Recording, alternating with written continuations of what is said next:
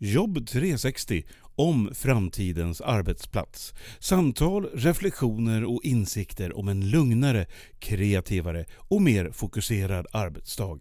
Inbjudna gäster tillsammans med Pia Andreasson och hennes kollegor från Direxio.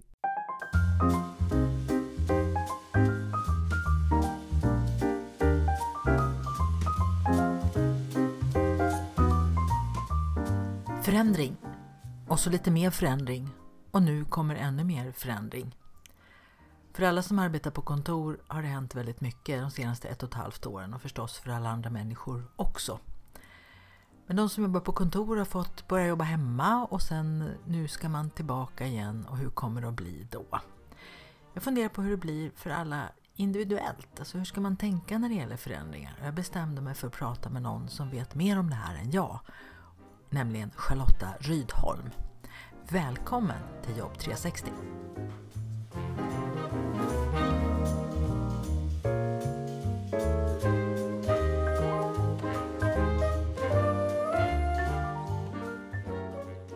Då säger jag välkommen till podden Charlotta Rydholm.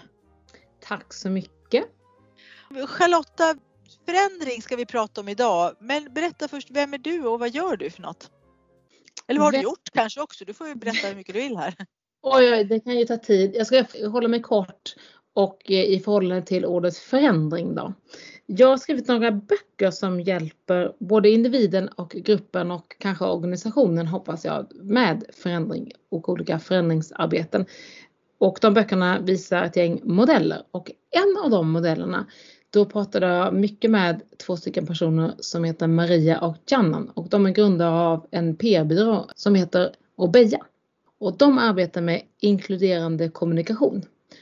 Och då blev det så att jag började på Obeja för en och en halv månad sedan ungefär. Så några böcker om förändring förändrade också mitt arbetsliv. Så att jag är nu på en inkluderande kommunikations PR-byrå som heter Beja och där är jag facilitator. Facilitator, vad gör en sån? En facilitator? Mm. En facilitator underlättar kan man säga en lärandeprocess.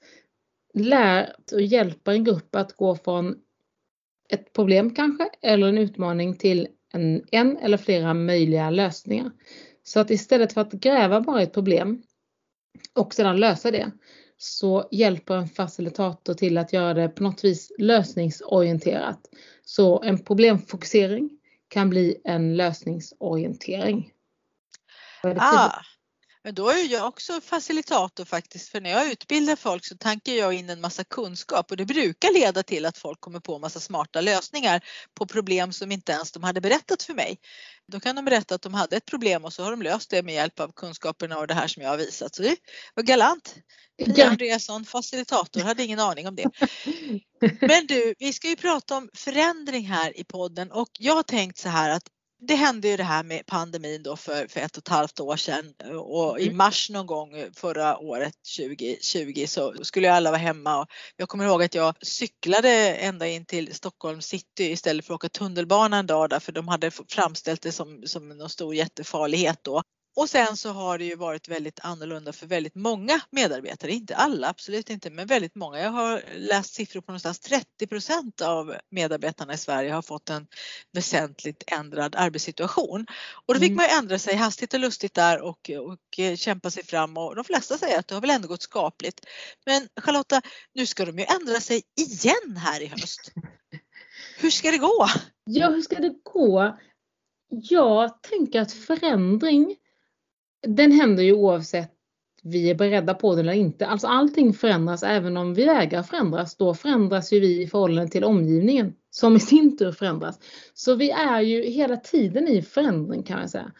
Eh, om du också blir ett år äldre då förändras du, alltså ja, hela vårt liv förändras. Så ja, hösten kommer och med den förändring såklart. Och då är det ju väldigt fint att det har hänt en del som gör att vi kan ta med oss något som vi har lärt oss in i vad det nu är som kommer att ske till hösten. Så när vi ska till arbetet igen så kan vi fundera på vad har fungerat när vi har arbetat digitalt eller hemma eller om vi gör ett landställe eller hos våra kusiner eller var vi nu har varit när vi inte har kunnat vara på kontoret för oss som inte har kunnat vara på kontoret. Och se vad har faktiskt fungerat riktigt bra. Och det tycker jag att vi ska utveckla och implementera i arbetet framåt.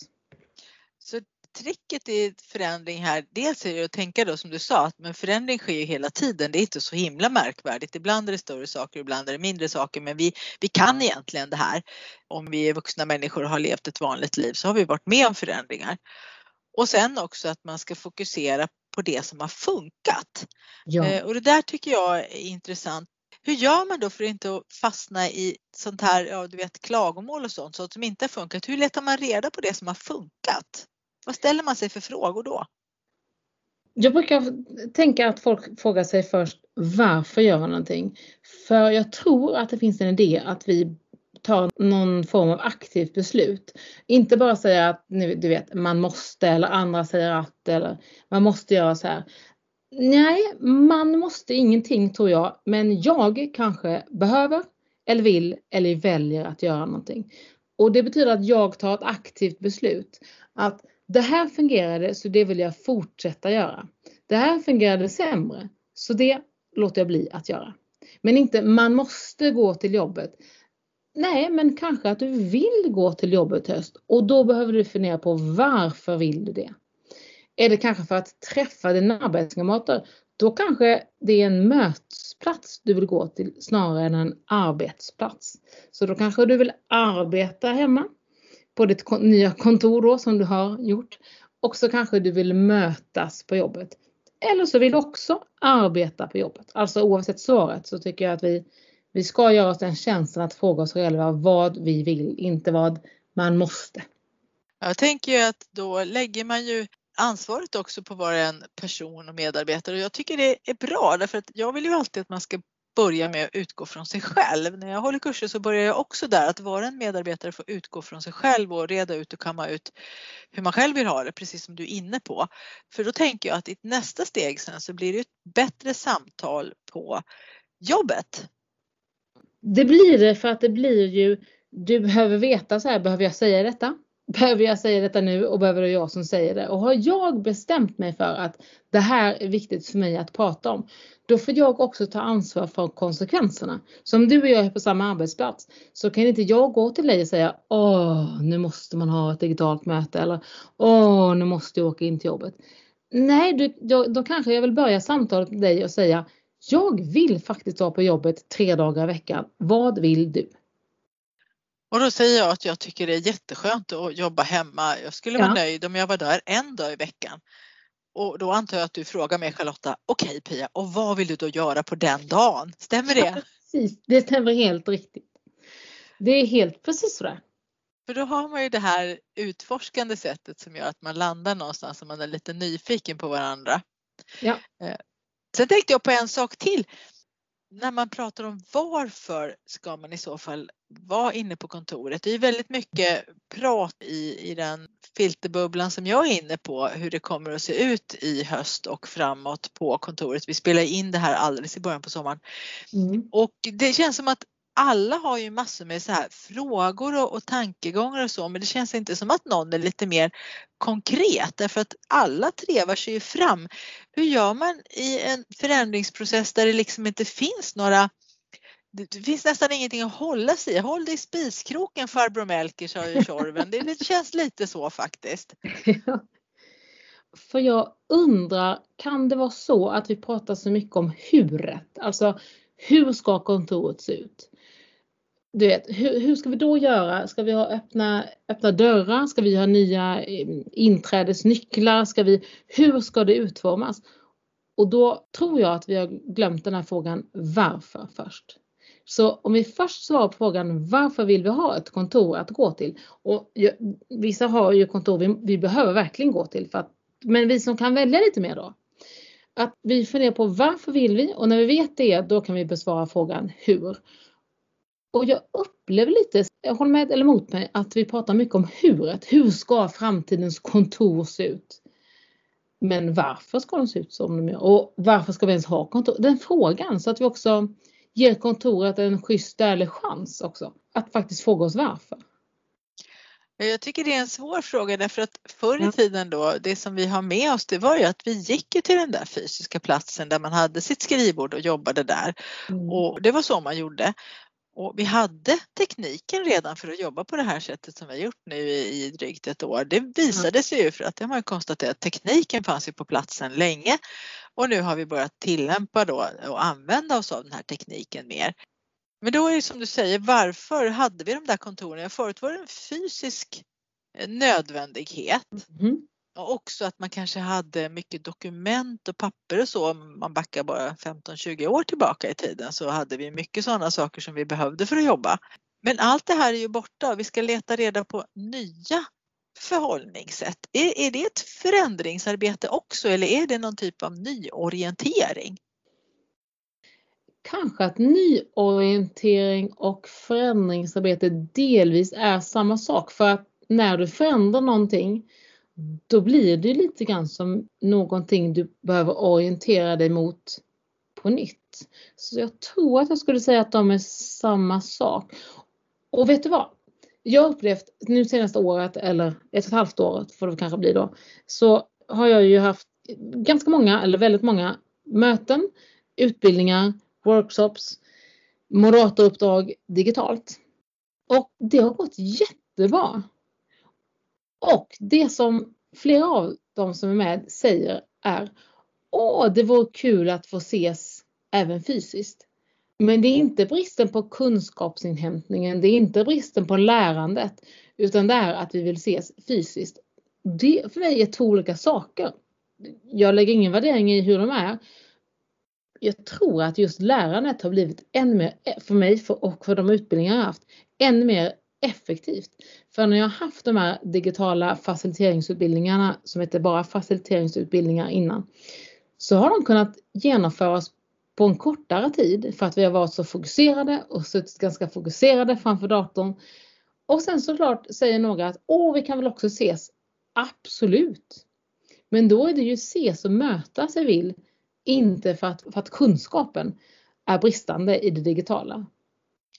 Nej, vi får nog ta en rejäl utvärdering här under hösten. Mm. Vad ger det oss för mervärde att mötas i 3D? Som, som en tidigare podddeltagare sa, jag tyckte det var ett bra uttryck, mötas i 3D. Ja. Eh, för att det tillför ju någonting såklart, men förut har vi inte behövt fundera på vad är det då? Det, vi har bara gjort det som vi alltid gjort. Nu har vi liksom två alternativ. Mm. Och hur ska man bära sig åt för att vaska fram ja, fördelarna då med de här alternativen. Vad är det vi ska leta efter för att hitta fördelarna med respektive sätt att mötas? Jag tycker det är så trevligt att många säger så här, åh jag saknar kaffekön till exempel. Och då är det väldigt fint att fråga sig vad är kaffekön? Vad representerar den? Vad händer i kaffekön?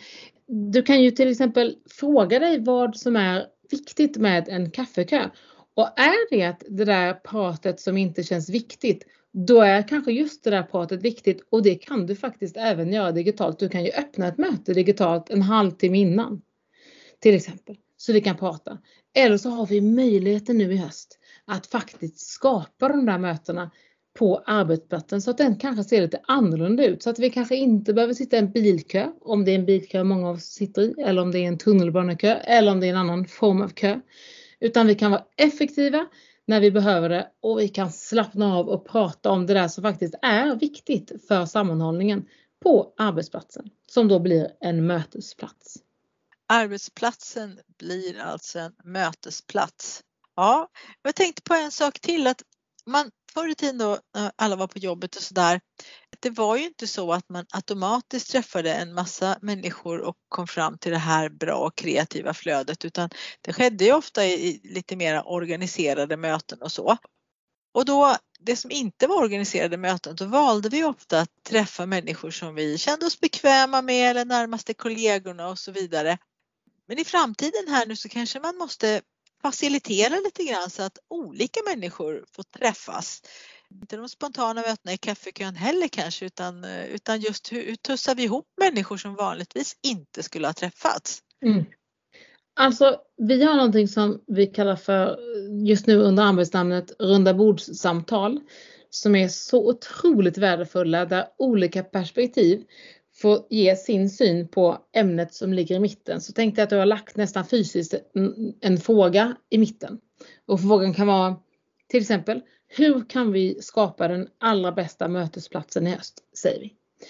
Och så lägger vi den frågan på bordet i mitten och så får olika perspektiv runt borden prata kring den frågan.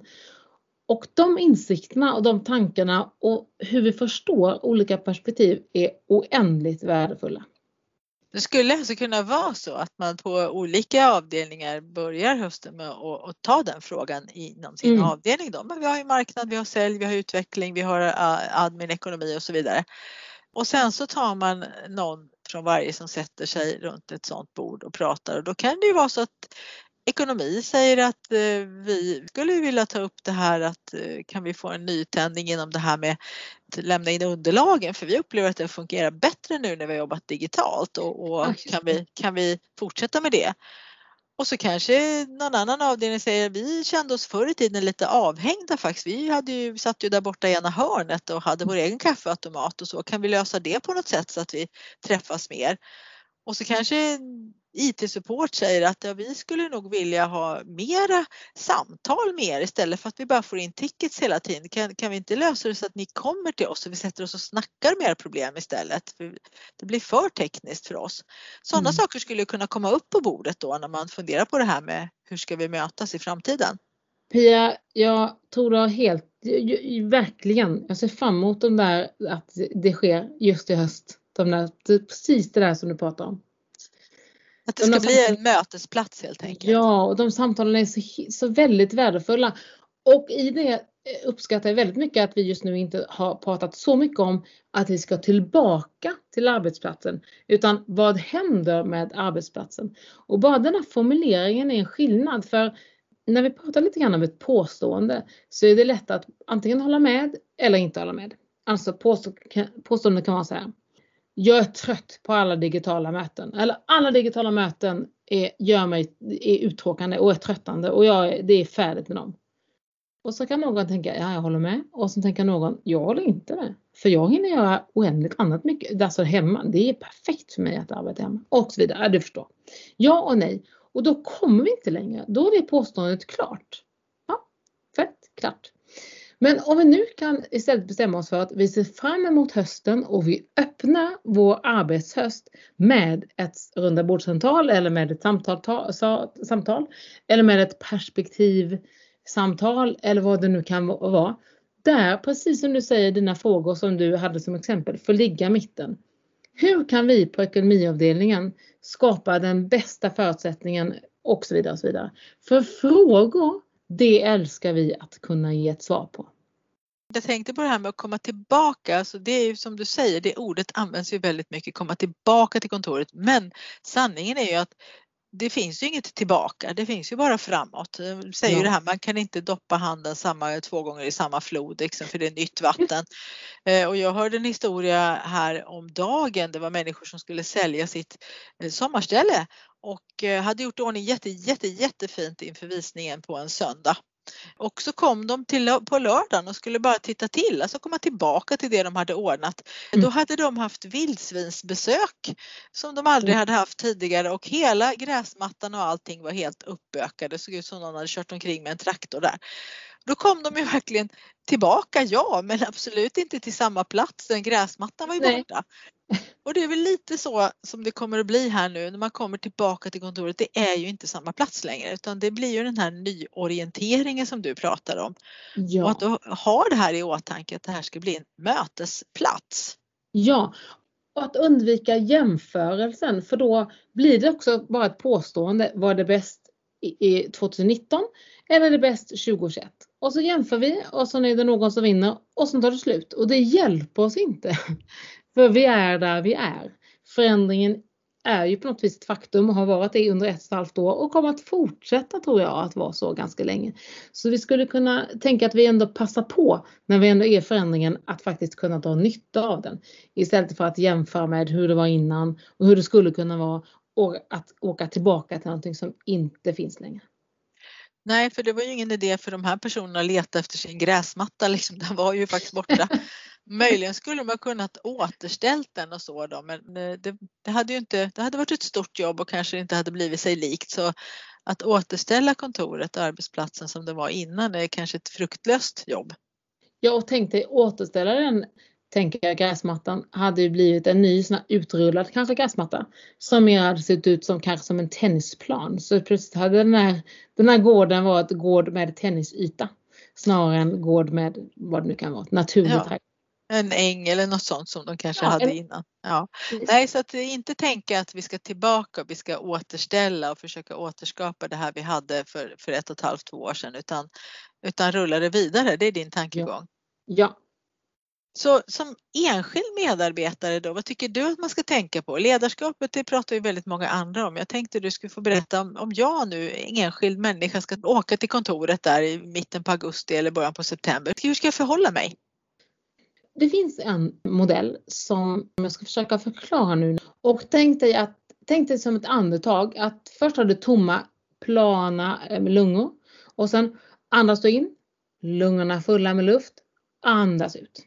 Så modellen heter i sin enkelhet andetaget. Och då finns det en poäng att tänka vilken typ du är. Och den går att ändras, vi kan vara olika typer olika tillfällen. Men lite grann så fungerar det så att antingen gillar du att andas in ganska mycket syre. Det är motsvarande en strateg kan man säga. Alltså någon som älskar att ta in insikter, positioneringar, analyser och så vidare. Sen lämnar de över till de som älskar att stå i positionen fulla lungor. Det är de som vi lite slarvigt ibland kan kalla för kreatörer. De som skapar koncept och idéer. Och sen lämnar kreatören till, ut till, över till de som andas ut, en riktad utandning. De som vi kan kalla för genomförare, projektledare, produktionsledare, heter lite olika beroende på var du arbetar. Och alla de här tre positionerna skulle du kunna vara i. Du har ofta en tendens att vilja vara i en av dem. Och vi kan också, om det finns någon som känner igen Simon Sinek, så pratar han ju om att starta Start with Why. Och då kan vi inte säga att varför är det där i början? Varför ska jag göra någonting? Varför är jag på kontoret? Och då tar vi reda på det. Eller så tycker de att stå med lungorna. Det är ju Simon Sineks How. Hur gör vi nu då? Eller så tycker de att stå i utandningen. Alltså vad vill du ha för resultat eller vilket kanske vi ska säga. Vilket resultat vill vi se? Och när du märker vad du tycker om att stå så kopplar du ihop dig med någon annan och så kommer ni tillsammans se, ah, det här är vårt varför som organisation. Det här är vårt hur och det här är vårt vad. Och i det här fallet är det ju, handlar det om arbetsplatsen. Ah, det är därför vi är här. Det är så här vi kan skapa förändring och det ger det här resultatet. Så du behöver inte åka in till arbetsplatsen i augusti eller september och tänka att du ska ha svar på alla lösningar. Men du behöver ha tagit ditt aktiva ansvar och veta vad du kan bidra med och fundera på vem man är utifrån den här modellen. Det var ju lite klurigt. I sin enklaste form så är man ju alla tre själv som till exempel ibland på, på eftermiddagarna så öppnar jag kylskåpsdörren och gör en sån där strategisk analys, den här inandningen. Och så står jag där och funderar ett tag, vad kan jag laga för middag av det här? Den där kreativa fasen. Och sen så lägger jag fram alla saker och så har vi den där utandningen då vid spisen och diskbänken när jag lagar den här maten. Och syftet är ju förstås att vi ska slippa vara hungriga, vi behöver ju mat. Ja. Något i den stilen kanske? Ja, det gör du helt rätt. Jag tycker väldigt mycket om att du gör så visuella exempel av det. Du har helt rätt. Och tänk så roligt också Pia, om jag får fortsätta med din då matreferens. Så roligt är om du hade fått göra maten tillsammans med någon. Så att du hade kunnat, jag har sett nu vad vi kan göra. Du ska få göra den idag. Mm, härligt. Och vi kanske äter den tillsammans. Precis, och, men det, på jobbet är det ju ofta inte så enkelt utan man behöver de här olika tre rollerna som du säger. Ja. Men saken är ju den att de ska klicka i varandra. Att de här kreatörerna behöver förstå vad strategerna har sett och de här utförarna behöver också förstå bakgrunden. Liksom. Varför blir det inte ja. köttbullar idag? Jo, för vi hade ingen köttfärs. Då kan vi inte göra köttbullar utan då blir det något annat. Det blir tomatsås istället. Exakt. Eh, ja, precis. Den här förståelsen för de här tre är ju också väldigt fin för då elimineras ofta besvikelser. det som händer när jag gör den här modellen, nämligen både fysiskt eller digitalt, så ber jag ju folk att antingen ställa sig på platserna eller peka digitalt var de vill stå. Och sen hittar vi på ett, ett case eller vad som händer, eller ett uppdrag, så får de ställa sig någonstans. Och då händer det varje gång att någon säger Va? Står du här bredvid mig? Och det är så himla tydligt. För inte så konstigt att vi kanske då blir arga på varandra. För jag trodde att jag lämnade över till någon i processen. Men det gjorde jag inte. Jag lämnade bara bredvid. Alltså jag, jag sköt min uppgift bredvid mig och inte framför mig. Så att den tycker jag är riktigt bra att göra inför en förändring som vi står framför. Det som jag tänker på när du beskriver den här modellen det är hur vi ofta tenderar att inte riktigt förstå de andra delarna. Att utförarna förstår inte strategerna och kreatörerna förstår inte utförarna och så vidare och så vidare. Eh, är det någonting du ofta stöter på när du jobbar med de här processerna? Ja men väldigt ofta skulle jag säga och det är därför den här, för den här är så ro, den här handlar ju ingenting om skuld eller skam eller vad, vad är du, vem är du, utan det handlar ju bara om att se var står vi någonstans och vilket beroende har vi av varandra? Så den är väldigt trevlig att göra för att vi ser att ah, jag är stark här, men jag är starkare tillsammans med den till höger om mig eller vänster om mig eller framför eller bakom mig då beroende på var vi väljer att stå. Så jag, jag gillar den för vi har, men istället för att stanna där som jag pratade om innan, stanna i vårt problem, så pratar vi om hur kan vi lösa det? Och då tror jag att andetaget är en fin modell för att se vilka lösningar vi kan ha framför oss. Ja, den där tycker jag man kan använda hemma också faktiskt i familjen. För det är det inte alltid så lätt när kreatören och strategen krockar med varandra och ingen utförare finns till hands heller så det blir bara ett enda tjafs.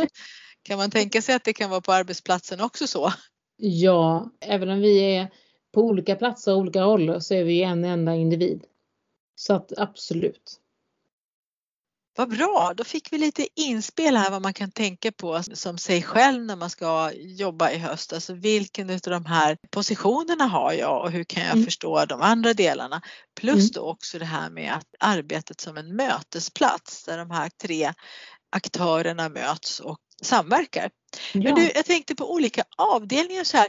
Finns de här tre funktionerna eller människorna, om man ska säga, på alla typer av avdelningar på en, på en arbetsplats? Det tror jag inte. Och det tror jag inte de behöver alltid. Men på hela arbetsplatsen, alltså den stora som helhet, då är jag ganska säker på att en fungerande arbetsplats behöver alla tre. På en viss avdelning kanske du har en överrepresentation av någon. Du behöver fortfarande veta att ni är ett gäng som är mest i inandningen eller i lungorna fulla eller i utandningen. För du vet också varför du gör det du gör. Och då är det kanske ganska okej okay att du och dina tio närmsta medarbetare bara är på en plats. Ni vet fortfarande varför ni har fått, om du är, om det är utandningen så vet du varför du ska utföra någonting och genomföra något. Eller om det är inandningen så är det fantastiskt skönt att veta att det jag gör, det betyder någonting för jag lämnar över det till någon. Så en skolmatsal till exempel, de som lagar maten, de lagar det som står på matsedeln och förväntar sig att strategerna har sett till att råvarorna finns på plats. Istället för att, tjafsa om hur menyn ser ut och, och så vidare. Ja, du har så fina exempel. Ja, ja det är lite, så lite av min talang faktiskt. Jag tycker det är kul. Det är också någonting som jag använder mycket av när jag utbildar. Eh, till exempel brukar jag likna det här med, med digitala verktyg som man har vid en maskinpark. Det mm. kan finnas väldigt många olika typer av redskap och maskiner och om du har rätt kunskap så vet du vilket läge du tar vilket, vilket fordon. Mm. Du ska ha cykeln eller fyrhjulingen eller grävskopan eller lastbilen eller något sånt. Just det. Eh, men har man inte mm. kunskap och inte ens körkort då, då blir den där maskinparken inte så mycket värd. Nej. Jätteintressant Charlotta att prata med dig. Har du några mer tankar kring det här när vi nu kommer, inte tillbaka till kontoret utan när vi kommer till kontoret i höst? En idé bara då som jag har som är att jag har tittat ganska mycket på olika lärandeprocesser och hur de har förändrats kanske i längre tid än ett och ett halvt år men de har i alla fall fått en skjuts under eh, den här tiden. Och jag har försökt definiera dem i tre som jag brukar kalla för flip it, mix it och share it. Och det skulle jag vilja att arbetsplatserna tänker på. Det, flippet är att vi till exempel då tänker om att göra ett påstående till en fråga eller en arbetsplats till en mötesplats. Det är flippigt. Det kan vi prata om hur länge som helst. Men det är den första. Mixigt är att vi också tänker på lite grann som en maskinpark faktiskt. Som, om jag får lov att ta den som exempel, är att när vi vet att någonting ska läras ut och vi vet att någon kunskap ska passera mellan en kollega till en annan, vad det nu kan vara. På vilket bästa sätt behövs just den här kunskapen? Behöver den en cykel som du sa då, en traktor eller en snabb bil? Eller behöver den filmas eller vara digitalt eller fysiskt? Eller kanske audiovisuellt. Det finns ju massor med olika verktyg faktiskt att använda sig av. Så det är mixigt, mixa den där kunskapsbasen och lärandeprocessen. Det tredje är något som jag kallar för share it och det har vi också pratat om. Alltså det är den här perspektivsrunda bordsamtalet. Att vi delar på våra kunskaper. För då kan någon annan säga som vi inte ens förväntar oss att ah, det där kan jag. Va? Kan du detta? Men du sitter ju på den här avdelningen. Ja, fast det där. Du vet, innan jag var här var jag och så vidare. Och så vidare. Och det gör ju också att vi, vi känner samhörighet. Och vi skapar någonting ihop. Snarare än att du förväntas bara göra det och din titel säger att du bara kan det och din titel, du har inte här att göra eller tvärtom, du ska göra detta. Men det där tycker jag är fint, att vi delar på kunskap. Det blir en alldeles underbar tillfälle att vara ihop och skapa någonting tillsammans. Ja, flip it, mix it and share it. Ja. Ja, det ska jag ta till mig verkligen. Och det låter ju också lite som att man lagar någon god maträtt där. En pannkaka kanske som man flippar, vad vet jag. Okej Charlotta, tiden flyger iväg när man har ja. roligt och pratar om intressanta saker. Jag tackar dig för dina tips här inför arbetshösten som vi har framför oss då vi inte ska tillbaka utan då vi ska hitta någonting nytt tillsammans. Tack Pia! Och Pia, jag vill tacka dig också för det är ju jättefina och värdefulla intervjuer som du gjort. Så tack så mycket för allt fint jag har fått lyssna på fram tills nu. Ja, kul att höra. Ha det så bra! Ha det så! Hej då!